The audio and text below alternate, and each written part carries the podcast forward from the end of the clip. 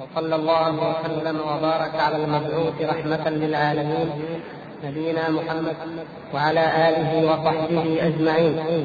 أما بعد أيها الإخوة الكرام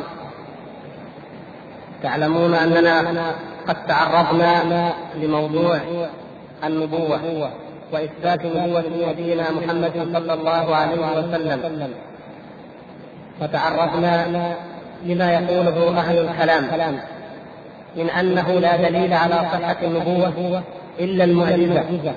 ثم إن المعجزة عندهم هي فقط الأمر الخارق للعادة الذي يجريه الله تعالى على يد مدعي النبوة إثباتا لصدقه وقلنا إن هذا من تضييق واسع وإن ذلك الدليل ليس هو كل الأدلة بل هو جزء من بحر قطرة من بحر من بحر دلائل النبوة التي تدل على نبوة النبي ولا سيما نبينا محمد صلى الله عليه وسلم.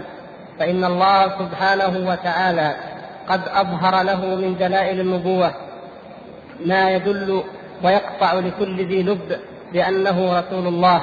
وإن لم يبلغه من ذلك إلا البعض فدلائل نبوته صلى الله عليه وسلم ظاهرة وأعلامها منشورة إلى قيام الساعة لم تمت بموته صلى الله عليه وسلم ولا بموت أصحابه وإنما هي باقية مخلدة وكل إنسان في هذه الأرض مؤاخذ ومخاطب بما جاء من عند الله تبارك وتعالى وما من أحد يسمع به صلى الله عليه وسلم في هذه الأرض إلا ثم لم يؤمن به إلا كان من أهل النار. وذلك لظهور الحجة واستبانة المحجة. وهذا من فضل الله تبارك وتعالى ورحمته بالعالمين. فإنه سبحانه وتعالى لما أرسل هذا الرسول عامة للناس وكاف للناس كافة جعل آياته أيضا عامة لهم إلى قيام الساعة. وعامة للعالم منهم والجاهل. فالجاهل الأمي البدوي أو الفلاح القروي يجد في دلائل نبوته صلى الله عليه وسلم الشيء الكثير ويفهمها ويستوعبها ويقر بها. والعالم المتبحر في أي علم وفي أي فن وفي أي مجال يجد فيها ما يبهره. فالمؤرخ يجد فيما جاء به النبي صلى الله عليه وسلم من أخبار التاريخ ما يذهل العقول ويحير الألباب دون أن يكون هنالك أي مصدر آخر لهذا الرسول. وما كنت تتلو من قبله من كتاب ولا تخطه بيمينك إذا لارتاب المبطلون. فهذا من عند الله تبارك وتعالى ومع ذلك يأتي بالآيات والأخبار عن الأمم الماضية التي لم يعرف المؤرخون كثيرا منها. وعالم الفلك يقرأ فيما جاء به النبي صلى الله عليه وسلم من العجائب ما لم يكن الفلك ولا علماؤه يعرفونه في العالم في ذلك الزمان وربما فيما يستقبل من الزمان. وعالم الطب يجد فيما جاء به النبي صلى الله عليه وسلم من شفاء الأبدان ومعالجة الأمراض ما تعجز عنه عقول البشر في حينه الذين تخصصوا في الطب وافنوا أعمارهم فيه.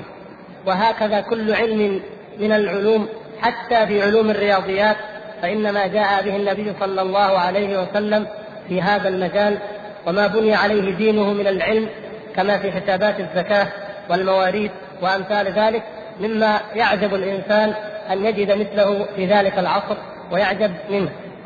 وأعظم من ذلك ما جاء به النبي صلى الله عليه وسلم من طرق ووسائل لإصلاح النفوس وتربيتها وتهذيبها فإن علماء الأخلاق والحكماء والآباء والمربين يعجزون أن يربوا فردا واحدا تربية متكاملة. وأما هذا النبي صلى الله عليه وسلم فقد ربى أمة عظيمة هي أعظم الأمم جهلا وأكثرها انحطاطا في الحضارة. ومع ذلك كانت خير الأمم وأصلح الأمم وأعدل الأمم وأقوم الأمم بتمسكها بهديه صلى الله عليه وسلم. وما تزال إلى اليوم هي الأمة الوحيدة التي يمكن أن تحقق في العالم العدل والسلام والحق الذي ليس وراءه من حق. معجزات كثيرة للنبي صلى الله عليه وسلم ودلائل عظيمة لنبوته. ففي كل أحد في كل واحد أسلم من الصحابة معجزة للرسول صلى الله عليه وسلم. وفي كل فتح فتحوه معجزة من معجزاتنا أو آية. كما قلنا إن الصحيح الأصح أن نقول آية. ففي كل فتح فتحه المسلمون آية تدل على نبوة محمد صلى الله عليه وسلم.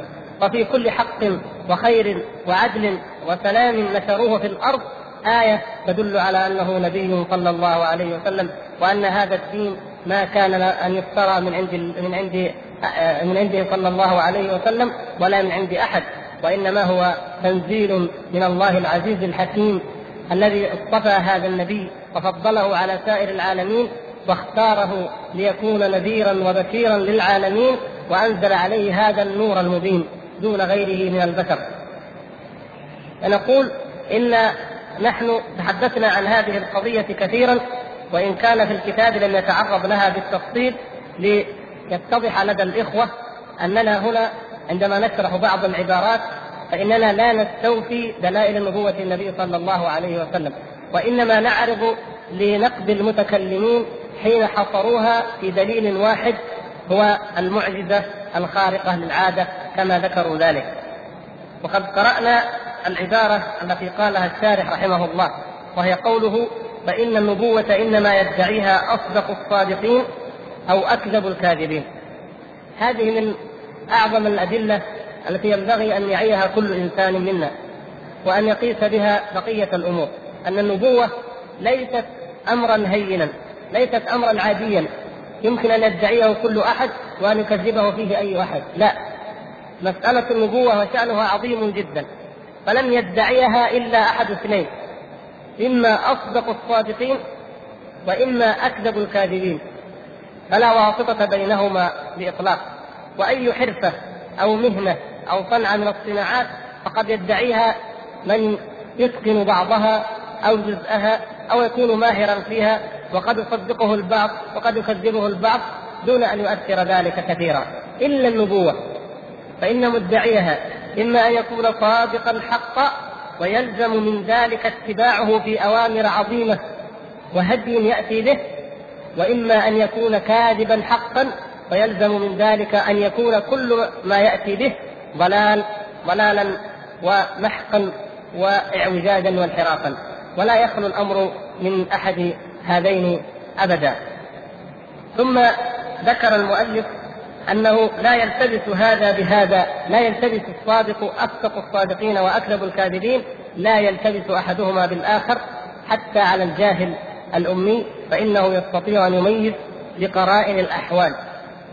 هناك أيها الإخوة مبحث يسمى مبحث العلم أو حصول العلم. متى يكون العلم نظريا؟ أو متى يكون قطعيا متى يكون ظنيا. يبحث في علم الأصول ويبحث في كتب العقائد. العلم كيف يحصل ضرورة؟ معنى العلم الضروري العلم القطعي الذي تجد تجد في نفسك قطعا أنك مصدق به. بأي دليل من الأدلة؟ أما العلم النظري فهو العلم الذي يحتاج إلى استدلال وإلى تفكير. فالعلم القطعي أو العلم الضروري المتكلمون يقولون إن النبوة علم ضروري، العلم بنبوه محمد صلى الله عليه وسلم مثلا من العلم الضروري. ولكن الخطأ هو أنهم يحصرون العلم الضروري بمصادر محدودة. وينسون أن له مصادر ومجالات أعظم مما يحدونه به. ومن ذلك مثلا ما يقال في علم الكلام أو في كتب العقائد إن العلم الضروري القطعي يحصل بالتواتر. من أهم السبل لحصول العلم الضروري طريق؟ التواتر، ما معنى ذلك؟ إذا نحن الآن سمعنا عن بلد يقال لها أمريكا أو الهند أو لندن مثلا فنحن ما نعرفها. أو مثلا نحن لم يزرها ولا واحد منا ما زارها.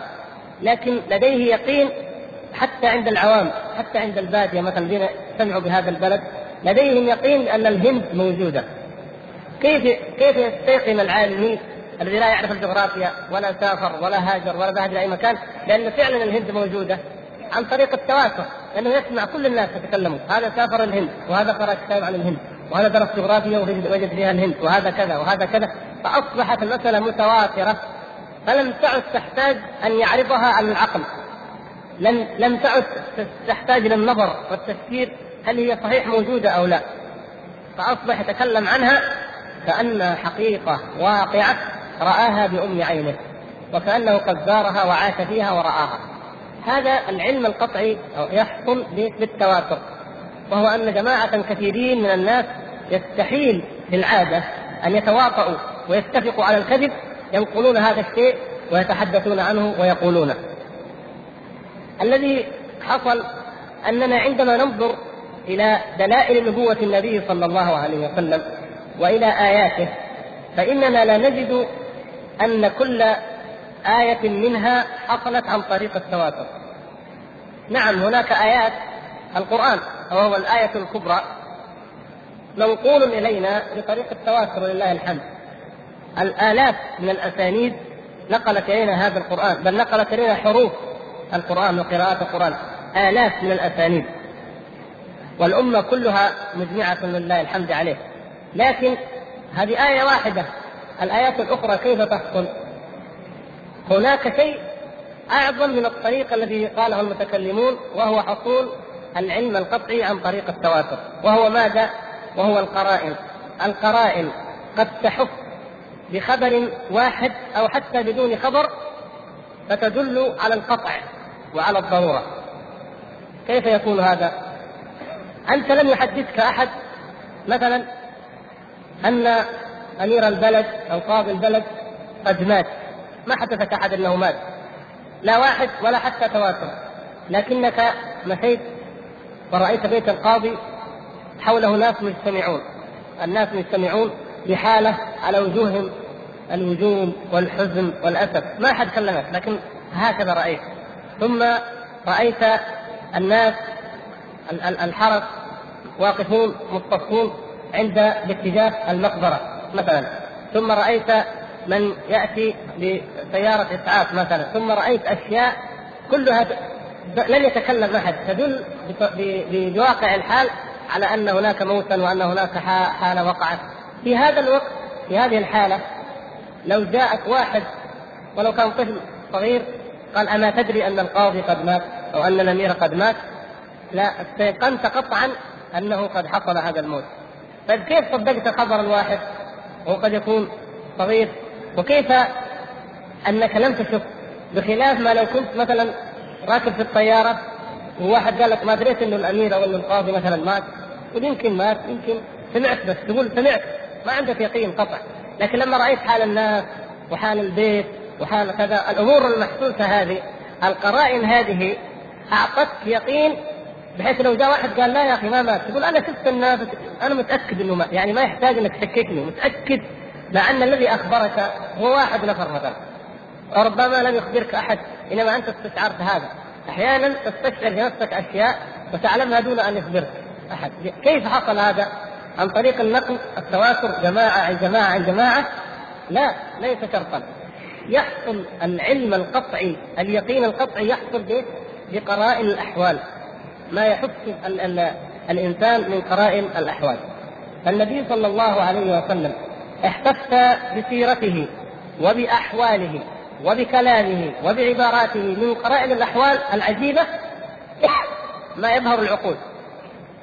ام معبد ينزل في الخيمة وهو عابر عابر سبيل تقطع أنه نبي تستيقن أنه نبي.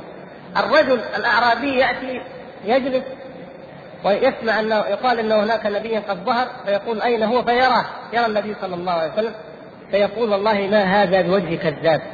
وإن قالت قريش إنه كذاب مهما قال. هذا الوجه ليس وجه كذاب. ما نطق النبي صلى الله عليه وسلم. ولا قلب العصا حية. ولا أخرج يده فإذا بيضاء للناظرين ما في أمر خارق للعادة. ما في معجزة. لكن قرينة حاله صلى الله عليه وسلم. كما قال حسان رضي الله تعالى عنه لو لم يكن فيه آيات مبينة كانت بديهته تأتيك بالخبر. أو عبد الله بن رواحة. المهم شاعر من الصحابة رضوان الله تعالى عليهم أجمعين قال هذه هذا البيت في مدح النبي صلى الله عليه وسلم. وهو لا يليق أن يمدح به إلا النبي صلى الله عليه وسلم. لا يستحق هذا المدح الحق حقيقة كاملا بهذا الوصف الكامل إلا النبي صلى الله عليه وسلم. فإنه لو لم لو لم تكن هنالك أي آيات إلا أن بديهته تأتيك بالخبر. إذا رأيته تقطع بأنه صادق. ولذلك نجد في سيرة النبي صلى الله عليه وسلم نجد السيرة كلها محفوفة بما يدل على نبوته صلى الله عليه وسلم. كما تعلمون كتاب دلائل النبوة للبيهقي كمثال. والبيهقي رحمه الله تعالى من المحدثين المهتمين بعلم الحديث والنقاد الذين لهم خبرة ودراية بهذا الفن. ألف دلائل النبوة. فما هو دلائل النبوة الذي ألفه البيهقي؟ هل ألف فقط أشياء حسيات خوارق عادية حسية؟ لا. إنما هو كتاب عن سيرة النبي صلى الله عليه وسلم. كأنه من سيرة ابن هشام تقريبا. يعني يذكر حياته صلى الله عليه وسلم في غزو غزواته واموره وأعماله. ففي كل غزوة في كل عمل من الأعمال بينة. وهذه هذه لا لا يمكن أن تتوفر إلا في نبي. أن كل عمل من اعماله يدل على صدقه. هذا شيء عجيب. في أحد ما يدل على نبوته صلى الله عليه وسلم. في بدر في الهجرة في معاملته مع أزواجه ما يدل على أنه نبي في معاملته مع اليهود ما يدل على أنه نبي في معاملته مع المشركين في كل أمر من أموره في كتبه التي كتبها لملوك الأرض. المهم من أي زاوية تنظر في أي حدث في أي عمل تنظر تجد أن فيه ما يدل على نبوته صلى الله عليه وسلم. في كل كلمة من كلامه صلى الله عليه وسلم. الذي حفظ وصح عنه تتأمل تجد أن فيه ما يدل على نبوته صلى الله عليه وسلم. التشريعات وما أدراك ما التشريعات. كلمة واحدة يقولها النبي صلى الله عليه وسلم تصبح قاعدة من أعظم القواعد التي يرجع إليها أصول عظيمة من أصول التشريع. مثل لا ضرر ولا ضرار مثل الضمان بالخراج مثل أشياء كلمات عبارات لكنها يستحيل أن يكون هناك أي شريعة فضلا عن أي قانون وضعي أو مفكرين وضعيين يأتوا بأدق منها وأدل منها. وحاشا أن نشبه أحد من هؤلاء بالنبي صلى الله عليه وسلم فهو أجل وأرفع من ذلك لأنه يتكلم من عند الله وبنور الله سبحانه وتعالى. إذا يحتف بسيرة النبي صلى الله عليه وسلم ويحف بدعواه في كل أمر من أموره تحف به قرائن كثيرة تدل على صدقه صلى الله عليه وسلم. ولذلك يقول المؤلف رحمه الله وما من أحد ادعى النبوة من الكذابين إلا وقد ظهر عليه من الجهل والكذب والفجور واستحواذ الشياطين عليه ما ظهر لمن له أدنى تمييز. فإن الرسول لا بد أن يخبر الناس بأمور ويأمرهم بأمور ولا بد أن يفعل أمورا يبين بها صدقه والكاذب يظهر في نفس ما يأمر به ويخبر عنه وما يفعله ما يدين به كذبه من وجوه كثيرة. والصادق ضده بل كل شخصين ادعيا أمرا أحدهما صادق والآخر كاذب لا بد أن يظهر صدق هذا وكذب هذا.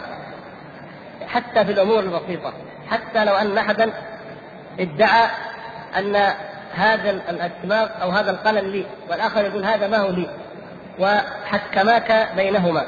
فانك تسمع من كلام هذا ما يدل على أنه له وتسمع وترى من أحوال هذا ما يشعرك أنه ليس له. حتى في الأمور البسيطة فكيف بالدعاوى العظيمة؟ وكيف بأمر ليس بخاف على أحد من الناس سمعه أو اطلع عليه؟ ولهذا نجد في المناظرة المناظرة العظيمة هذه من أعظم المناظرات في التاريخ التي جرت بين أبي سفيان وبين هرقل وبين في شأن في شأن النبي صلى الله عليه وسلم. لأن هذه تدلك على تعطيك معنى معنى الذي يسأل هذا من؟ هذا هرقل. زعيم أعظم أمة متحضرة في العالم التي الأمة التي تحمل لواء الحضارة العالمية وتسيطر على نصف نصف العالم الغربي. والمسؤول من؟ الزعيم اللدود العدو اللدود للدعوة الذي يرفع لواء محاربة النبي صلى الله عليه وسلم وهو أبو سفيان. هذا يسأل وهذا يجيب والموضوع هو موضوع نبوة النبي صلى الله عليه وسلم. وليس هرقل متهم أن يمالئ النبي صلى الله عليه وسلم أو يجامل معه. ما, ما الذي يدعوه إلى ذلك؟ وليس أبو سفيان مؤمن بالنبي صلى الله عليه وسلم حتى يداري في الجواب ليجامله بل كان يتحين الفرصة. ولذلك ما وجد مطعن يمكن أن ينفذ منه إلا لما قال وبيننا وبينه عهد فلا ندري ماذا يفعل. ما يقدر يتهم إنه غادر ما يقدر يتهم إنه كاذب ما يقدر. ما قدر يتهم بأي شيء إلا لما جاءت هذه النقطة قال نحن الآن وإياه في عهد ولا ندري ماذا يفعل يعني ربما يغدر يعني هذا غاية ما يستطيع أنه يطعن فيه أن يفتح مجال أنه ربما يغدر ما قدر غير ذلك وتكون النتيجة هي الاقتناع بصدق هذا النبي صلى الله عليه وسلم كما سوف نقرأه إن شاء الله. إذا لا يمكن أن يلتبس الأمر بأمر الداعي من ادعاء النبوة بأمر الرسول حقا ولا سيما نبينا محمد صلى الله عليه وسلم. ولهذا قضية استلزام الصدق للبر والتقوى واستلزام الكذب للفجور هذه حقيقة يعرفها كل واحد من الناس. حقيقة يتعامل بها الناس حتى بين الكفار حتى الكفار بعضهم مع بعض يعلمون أن من لوازم استقامة هذا الرجل أنه لا يكذب وأن من وأن من كذب هذا الرجل أنه ممكن لو عرفوا عن إنسان ما الكذب أنه من كذبه ممكن أن يسرق ممكن أن يختلس ممكن أن يفعل كل شيء بناء على كذب يكذبه بلسانه. وهكذا تلازم هذه الأمور وكما ذكر الشارح رحمه الله تعالى هنا. كما ذكر الحديث تفضل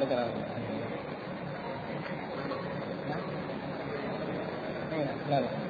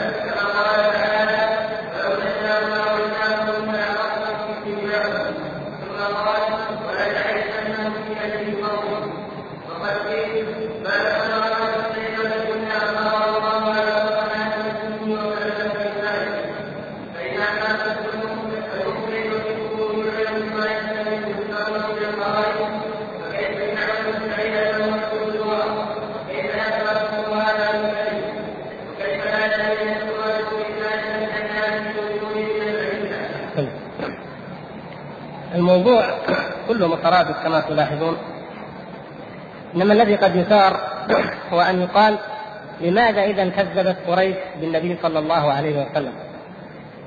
هل تكذيبها راجع إلى أنها غير مصدقة بأنه نبي وأنه رسول وأنه يأتيه الوحي من السماء أم لأمر آخر؟ الذي يتتبع أحوال القوم ويجد ما صح في السيرة من ذلك يعلم يقينا أنهم إنما كذبوه عنادا وكبرا واقتداء بالآباء والأجداد وتمسكا بالعادات وبالتقاليد وحرصا على الجاه وعلى المال وعلى الدنيا وعلى المناصب ونحو ذلك من الأسباب وليس تكذيبا له في ذاته.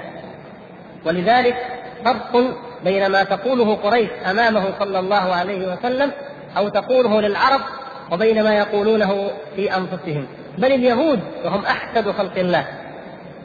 أن قريشا كفرت بالنبي صلى الله عليه وسلم عنادا واستكبارا وتقليدا وأما اليهود فإنما كفروا بغيا وحسدا.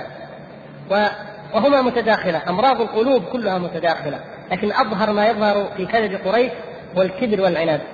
ولذلك لما ذهب مقتضي ذلك وظهر دين الله بالقوة ونصر الله نبيه محمد صلى الله عليه وسلم لم تجد قريش غضاضة في أن تدخل في هذا الدين ثم تحمل لواءه وأصبحت كبار المقاتلين له صلى الله عليه وسلم يقودون جيوش الإسلام ويفتحون بلاد العالم. لكن الذين الذين اليهود لأن كفرهم كان عن حسد والحسد من أكثر امراض القلوب تمكنا فيها لأنهم كانوا كذلك نجد أن أقل ما من أسلم من العالم هم اليهود. أسلم النصارى بالملايين وأسلم الفرس وأسلم العرب قاطبة الا السواد ولكن اليهود لم يسلم منهم إلا القليل قليل جدا من أسلم من اليهود حتى أنهم ليعدون عددا فيقال إنهم عشرة أو بضعة عشر أو نحو ذلك فقط ممن أسلم من اليهود مع أنهم كانوا بني قريظة وبنو النضير وأمثالهم من القبائل وفي خيبر وكانوا يرون صدق نبوه النبي صلى الله عليه وسلم. الشاهد نقارن ماذا يقول هؤلاء في سرهم وماذا يقولون في علنهم. أبو جهل ماذا يقول في العلن في العلانية؟ كان يتبع النبي صلى الله عليه وسلم وهو يمر على العرب في الأسواق والمواسم يعرض عليهم دعوة ربه عز وجل فيقول لهم أيها الناس إن هذا الغلام منا ونحن أعلم بكذبه إنما هو كذاب صادق فلا تصدقوه. وهكذا يتبع النبي صلى الله عليه وسلم ليكذبه في كل مكان. هذا أمام الناس. لكن أمام نفسه وأمام من يثق به ماذا يقول؟ ماذا يقول أبو جهل؟ يقول نعم يقول كنا وبنو عبد مناف كفرسي رهان لما قيل له لماذا لا تسلم؟ قال كنا وإياهم كفرسي رهان لهم السقايه ولنا الرفادة، لهم كذا ولم فكلما كلما عملوا عملا عملنا مثله منافسة بين بطنين من بطون قريش العظام. قال فلما نبغ هذا الرجل قالوا منا نبي ومن أين لنا نبي؟ هذا ما في كيف نقدر ننافسهم؟ ما في وجه فوالله لا نؤمن به أبدا. ما في هذا مسألة حسد يعني فقط عناد استكبار حقد ليس هناك أي دافع حقيقي أنك لا تؤمن بأن هذا النبي لا يمكن. قريش كانوا ينهون يقول القرآن هذا أساطير الأولين. إفك قديم من كلام الكهان إن هو إلا قول البشر. سحر يؤثر إلى آخر ما قالوا وما نفقوا ومع ذلك كانوا يجتمعون في الليل يستمعون هذا القرآن. يتعجبون من هذا الكلام الذي ليس مثله لا في كلام الشعراء ولا في سجن الكهان ولا ابدا. في أنفسهم يعلمون أنه الحق. لكن أمام الناس المنتديات يقول هذا كذب وهذا باطل. نعوذ بالله. فإنهم لا يكذبونك. لا يكذبونك أي لا يعتقدون في قلوبهم أنك كاذب. وأن باللسان يقولوا إنه كاذب. ولكن الظالمين بآيات الله يجحدون. الظلم والإجحاد والانفه والعناد استكبارا في الأرض ومكر السيء مثل هذه الأمور هي التي حالت بينهم وبين الإيمان مثل ما حالت بين فرعون وبين الإيمان. وأما اليهود فما أعجب ما أعجب ما فعلت اليهود في هذا الشأن. يتناجون بينهم أنه صادق وإذا ذهبوا إليه صلى الله عليه وسلم كذبوه. ولهذا زيد بن صنعة وكان من كبار من كبار إحبار اليهود. له قصة رواها في ذكرها في مجمع الزوائد رواها الطبراني وغيره قصة حسنه حسنة السند. أن هذا زيد يقول قال لقد قرأت في التوراة وفي كتب وفي الأذكار من صفة النبي صلى الله عليه وسلم ما وجدت أنه كله حق كله يدل على أنه نبي وخبرته وبلوته. اختبر الصفات الموجودة في التوراة والتي أخبر بها النبي اختبرها واحدة واحدة إلا صفة واحدة قال ما اختبرتها؟ ولن لن يسلم حتى يختبرها. يعني انظر النفسية اليهودية لأنها مليئة بالحسد والبغي. كيف كيف نسلم لهذا الرجل من الأميين؟ ونحن ورثة العلم والكتاب ويخرج نبي من الأميين ومن غير من غير نسل إسرائيل من ذرية إسماعيل. هذا شيء يستثقله اليهود جدا. شعب الله المختار وما إلى آخر ما يظنون في أنفسهم. فقال إلا خصله واحدة بقيت وأردت أن أختبرها أن أبلوها. وهي أنه يسبق حلمه جهله ولا يقابل الجهل بالجهل وإنما يقابل الجهل بالحلم. قال كيف أختبر هذه الخصلة؟ قال فذهبت يوما إليه صلى الله عليه وسلم وهو جالس مع أصحابه وهم حوله وإذا برجل منهم يقول يا رسول الله إني قد ذهبت إلى بني فلان وجدتهم في سنة وجدب وقحط وشدة. وإني قلت لهم أسلموا يفتح الله لكم وتمطرون وترزقون. وإني أخ... وقد أسلموا. وإني أخشى يا رسول الله إن بقي بهم الجدب والقحط أن يرجعوا عن اسلامهم فماذا نصنع؟ هذه مشكلة لأنه وعدهم أنه إذا أسلمتم بالمطر، طيب ما جاء المطر، ما جاء الرزق، هنا مصيبة. فرأى قال ماذا نصنع؟ قال يا رسول الله أرى أن نرسل لهم بطعام وغذاء. فيسلمون هذا كما تعلمون من تأليف القلوب على الإيمان. فقال النبي صلى الله عليه وسلم هل بقي من بساتين من تمر آل بني فلان أو من آه، حائط بني فلان شيء؟ قالوا يا رسول الله ما بقي منه شيء. إذا ما عندنا مؤونة. ما في مؤونة لنعطي نرسل بها إلى هذه القبيلة. زيد معروف ثراء اليهود في كل زمان ومكان. قال فوجدتها فرصة. وجدت أن هذه هي مكنتي هذه بغيتي. قال قلت يا محمد أتعطيني كذا وكذا من حيط بني فلان يعني إذا أثمر وأعطيك المؤونة. يعني ما يسمى السلم أن يعطيها البضاعة ويؤخر أو أو يعني اشترى منه الحب أو هذا الغذاء على أن يعطيه إذا نضجت الثمار واختار من أفضل البساتين في المدينة للصحابة. فقال النبي صلى الله عليه وسلم نعم. قال أعطيك. قال فدفعت إليه ما أراد من المؤنة المؤونة والطعام وأخذها وأرسل بها إلى أولئك. قال فانتظرت يوما حتى قاربت الثمار أن تنضج يريد التمر يريد الثمن قال وجئت إليه وهو واقف وحوله أصحابه وهم خارجون من مكان ما. قال فأمسكت بتلهديده الآن فرصة. يجد أنه ينفس عما في نفسه ويجد فرصة عليه وأنه لو أحد كلم يقول يا أخي حقي عندك إيش هذا؟ أنا لي حق لو أمسك لأن هذا حقي ما دفع لي قال فوجدت فشددت بتلابيبه أمسك بتلابيب النبي صلى الله عليه وسلم وقال له يا محمد أما أنا؟ قال قلت له يا محمد أما أنا لك أن تعطيني حقي؟ والله إنا لنعرفكم يا بني عبد المطلب أنكم قوم مطل. يعني طبيعتكم تماطلون صاحب الدين. فحلم النبي صلى الله عليه وسلم ولم يرد إلا ويسبقه عمر. فعمر رضي الله عنه اغتاظ غيظا شديدا وقال يا زيد أتفعل هكذا؟ ارفع يدك عن رسول الله صلى الله عليه وسلم وإلا فلقتها مسك بالسيف غضب عمر رضي الله عنه أن يفعل هذا برسول الله صلى الله عليه وسلم؟ فقال النبي صلى الله عليه وسلم أو شيء غير ذلك يا عمر؟ كان عليك أن تأمره بحسن الطلب وتأمرني بحسن القضاء. شوف كيف؟ قال النبي صلى الله عليه وسلم لا يا عمر لا.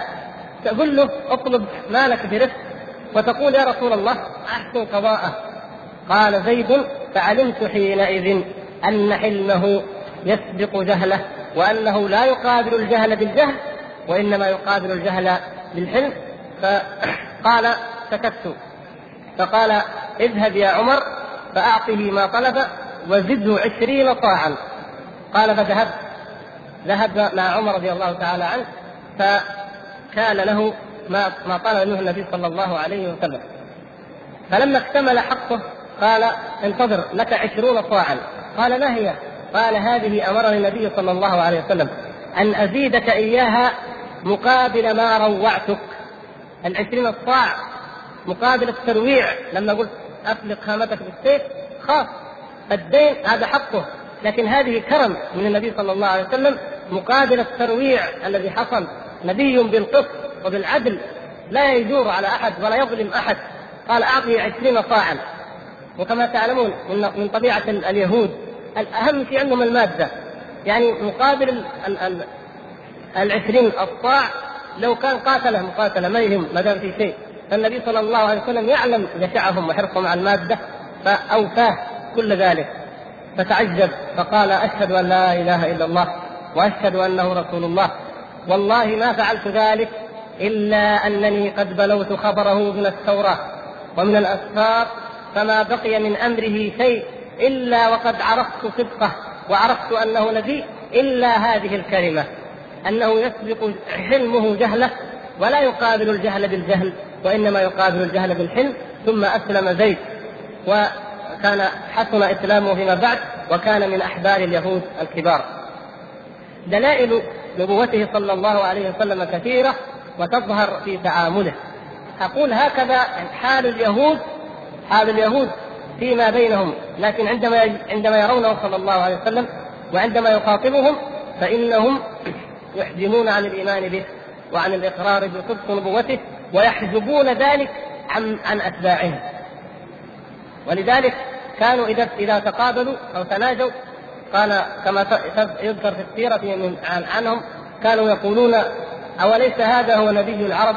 ويقول الآخر بلى أليس النبي الذي يأتي بين يدي الساعة والآخر يقول أوليس عندنا أنه يبعث من بني إسماعيل؟ كل واحد يكمل الخبر عن الآخر. فإذا واجهه النبي صلى الله عليه وسلم قالوا له لست بنبي ولست ولست بل بل تآمروا على أن يقتلوه صلى الله عليه وسلم وأن يلقوا عليه الصخرة وأعطوه الشاة المسمومة وما تركوا وسيلة لمسائل الأذى إلا وفعلوها مع النبي صلى الله عليه وسلم. بينما في أنفسهم وفي مجالسهم يؤمنون بصدقه. ولذلك كما تعلمون قصة عبد الله بن سلام رضي الله تعالى عنه لما قال يا رسول الله اسألهم عني اسألهم. وكان بلغه خبر هجرة النبي صلى الله عليه وسلم كما في الصحيح وهو في راس نخلة يخترق يأخذ من الثمر. وسمعهم يتحدثون. قالوا أهذا نبي العرب؟ قال الآخر نعم. قالت خالته وكانت عندها علم. قالت هذا ما ما شأنه مع مع موسى بن عمران؟ قال عبد الله بن سلام وهو في النخلة. قال يا خالة والله إنه لأخو موسى بن عمران. دينهما واحد وربهما واحد. لا ما في خلاف بينه وبين موسى. هذا نبي وهذا نبي. فلما نزل وذهب إلى النبي صلى الله عليه وسلم وأيقن بالإسلام قال يا رسول الله اختبر اليهود واسألهم عني فإنهم قوم بهت يبهتون أصحاب بهتان.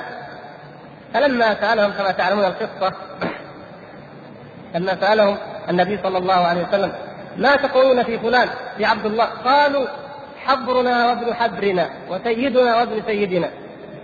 قال أرأيتم إن أسلم؟ لو أسلم إيش يكون؟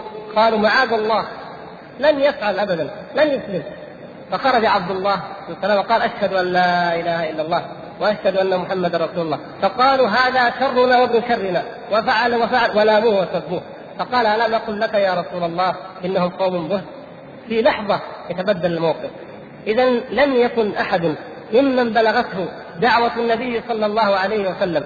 لا من العرب ولا من اليهود ولا من أمم الأرض ليخطر أو يشكك في قلبه بأن هذا النبي صادق أو غير صادق بل كانوا على يقين أنه صادق وأن ما يأتي به إنما هو حق من عند الله. ولهذا يناقش المؤلف هنا مسألة الكهان لأن أكثر ما يقال إن هذا النبي كاهن. أنه كاهن لأن الكاهن يأتيه خبر من السماء ويخبر بأمور مغيبة مغيبة لا يعلمها الناس فقالوا إذا هذا كاهن. أو قالوا ساحر لأن الساحر يعمل أعمالا خفية ويفرق بها بين المرء وبين زوجه ونحو ذلك وهو قد فرق بينهم. فلا يمكن أن يقولوا إلا هذا. قالوا شاعر لأن نظم القرآن يتفق في بعض الأحيان مع الأوزان الشعرية أو قريب من الأوزان الشعرية التي كان العرب يتعارفون فيها. فإذا هذه جاءت في القران جاء نفسها في القران في مواضع كثيرة. ولو أخذنا هؤلاء واحدا واحدا لعلمنا أن العرب أنفسهم يعلمون أنه ليس بواحد من هؤلاء. أما الكهان فإن حالهم واضح جلي لا يلتبس بحال النبي. فالكهان كانوا يجلسون يتصدرون لإخبار الناس بالمغيبات ونحو ذلك. يأتي الرجل إلى الكاهن فيخبئ خبئا يخبئ يعني آه الذي يذهب إلى الكاهن يضمر شيء حتى يتأكد من صدق الكاهن. مثلا لما يقال ان ذهب إليه بعض العرب مثلا ربط حبة حبة آه، بر ربطها في إحليل آه، الفرس في حليل البغل. يعني يكون شيء خفي جدا لا يمكن أن يعلم. فيأتي يقول له يقول الكاهن ما الذي خبأت لك؟ فيقول له ثمرة في كمره فيقول أريد ابين من هذا. فقال حبة بر في إحليل مهر. يتكلمون به استجع طبيعة الكهان. فإذا أخبر ما الذي خبأ ممكن أن يضع تحت حجر بعيد شيء ويقول خبأت خبأت إيش خبأت؟ فيقول له وضعت الحجر الفلاني تحت المكان الفلاني هذه مقدمة لما يقد اذا هذه علامة إيش؟ أن الكاهن سيقول صدق لأنه عرف الشيء المخبأ فبعد ذلك يقول له إنني أريد أن أفعل كذا أو يسأله عما وقع من الأمور فيجيبه الكاهن بالتشجيعات المعروفة. ماذا كان حول حال هؤلاء الكهان عند الناس؟ أي هدى جاء به هؤلاء الكهان؟ وهم يتوارثون الكهانة من العصور القديمة. أي خير جاء به هؤلاء الناس؟ أي صلة للرحم؟ أي اعانه للمظلوم؟ أي قول للحق؟ في الخلق تعامل لا شيء. كسب الأموال الفجور الزنا الفواحش لا يتورعون عن أي شيء من هذه الأمور لمصلحتهم التي يريدون. أما ما يخبرون به من المغيبات فقد كان ذلك بسبب ما يسرقونه من الشياطين. لكن لما بعث النبي صلى الله عليه وسلم الجن وجدوا أن السماء قد ملئت حرسا شديدا وشهبا إلا من خطف الخطبة الخطفة فأتبعه شهاب ثاقب انتهى فانقطعت فتعجب الكهان وذعروا في أقصى الأرض وأصبح كل واحد منهم يكلم على لسان آه، التابع أو الجني الذي يأتيه بالخبر ويقول ما حالنا؟ ما بال الدنيا انقطعت أصبح الجن يأتي بالخبر فيرجم بالشهاب هناك أمر عظيم سيقع. الكهان اذا هذه الكذبة أو القول الصادق الذي يأتي ما بين مئة كذبة حتى هذا انقطع لما قربت بعثة النبي صلى الله عليه وسلم. وجدوا الإفلاس التام ما عاد كيف يقولون ماذا يخاطبون الناس؟ ما هو الهدى الذي قدموه للناس ما هو الأمر الذي جاءوا به من هو الكاهن الكهان معروفون ممكن أن يأتي في قرية من القرى كاهن لا أصل له ولا نسب له ولا عرف عنه الخير ولا البر ولا التقوى ويتعاطى الكهانة ويخبر الناس بعض الأشياء ويأخذ فلوس وهذا معروف في جميع البيئات. هل هكذا النبي؟ فنقرأ في حديثه رقم أنه ليس هكذا. النبي يبعث في قوم يعرفون نسبه ويعرفون صدقه ويكون من اشرافهم ويكون أمور كثيرة لا تلتبس ابدا بالكهان ولا بحال الكهان. وأين القرآن من سجع الكهان؟ أين العرب كانوا يحفظون ويسمعون من سجع الكهان الشيء الكثير فلا يبالون به لكن القرآن لا الأعرابي ماشي في الطريق ويسمع الرجل يقرأ القرآن ويقول فلما استيأسوا منه خلصوا نجيا ويقفز من فوق الناقة ويسجد. لا بد يعرف الإسلام. أخي على طريق الحق هنا منتصف الشريف. الكلمات كلها معروفة عند العرب. اليأس كلمة معروفة عند العرب في أسئلة العرب وخلصوا أو الخلوص معروف في كلام العرب. والنجوى معروفة من كلام العرب. لكن فلما استيأسوا منه خلصوا نجية هذه لا يمكن أن يركبها عربي على الإطلاق. ولذلك وقع على الأرض.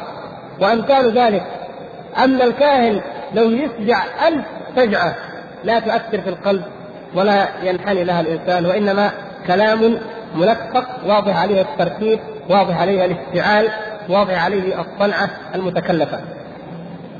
فهكذا الكهان.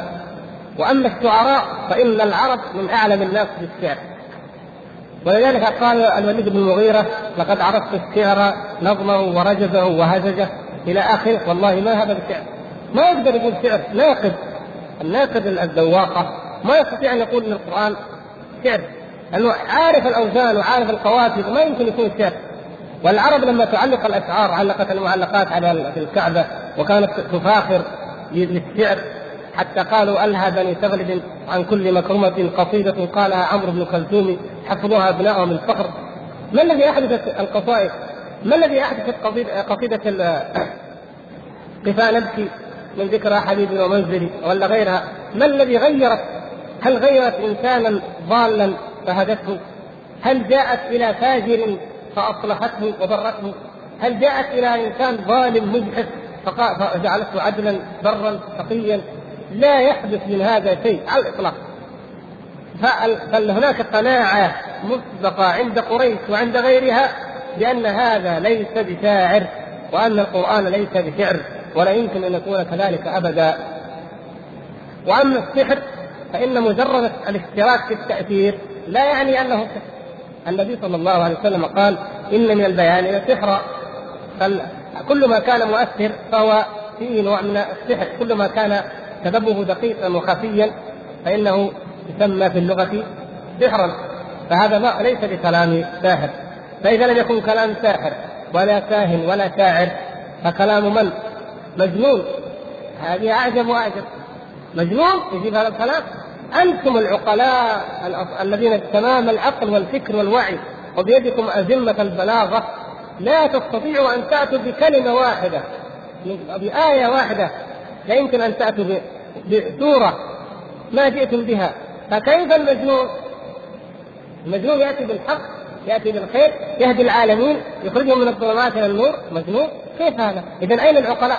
اذا لا عاقل على ظهر الأرض مهما يعني قريش مهما حاولت وهي أكثر ما جاء في القرآن التصريح بكذبها وهي التي عاندته وقفت وجهه صلى الله عليه وسلم أكثر القبائل لم يكن في أي في كلامها ولا في مواقفها ما يدل على الإطلاق بأن هناك ما يقدح في نبوه محمد صلى الله عليه وسلم.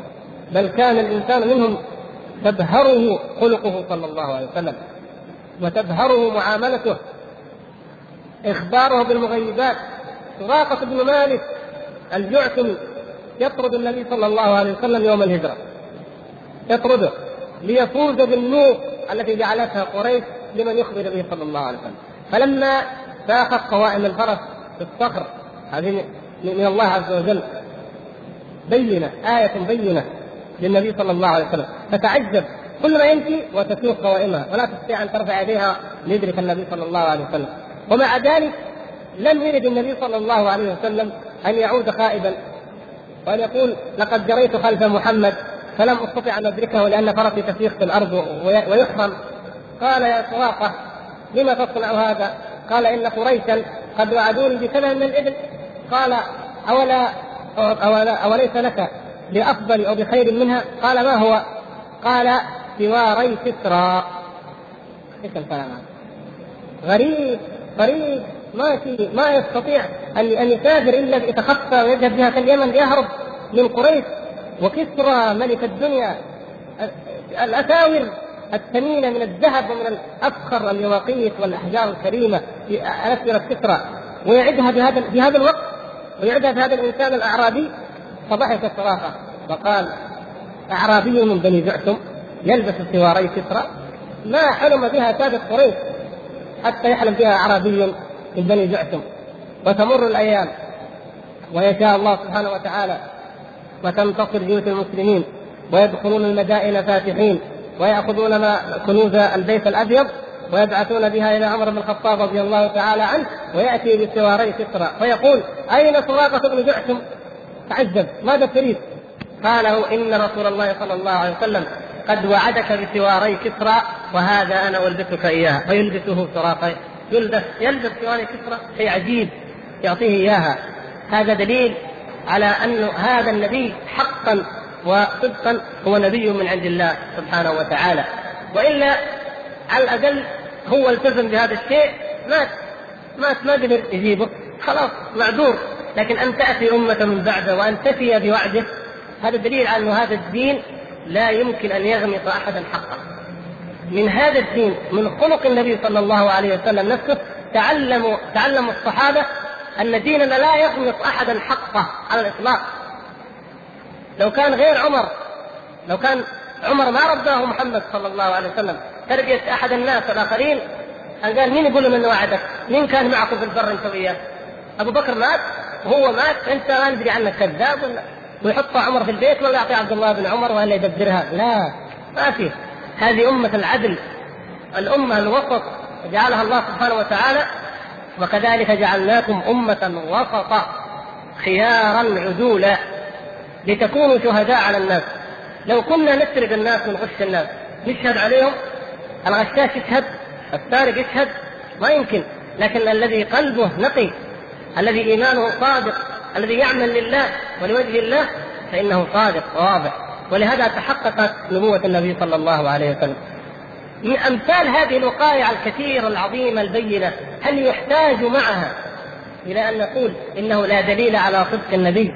إلا أن يأتي بخارقة أو معجزة؟ لا لأن هذه الدلائل العظيمة وهذه الخوارق العجيبة متضافرة ومتكاتفة ومتعاونة في خلقه صلى الله عليه وسلم وفي سيرته وفي تربيته لأصحابه وفي معاملاته كلها تدل على أنه حقا نبي صادق من عند الله. ويقول المؤلف رحمه الله يضرب لنا مثل واضح يقول الناس الناس يميزون بين الصادق والكاذب بأنواع من الأدلة حتى في الحرف الفلاحه النساجه الكتابة. تعرف الكاذب من الصادق. واحد يقول لك أنا بستاني نمرة واحد.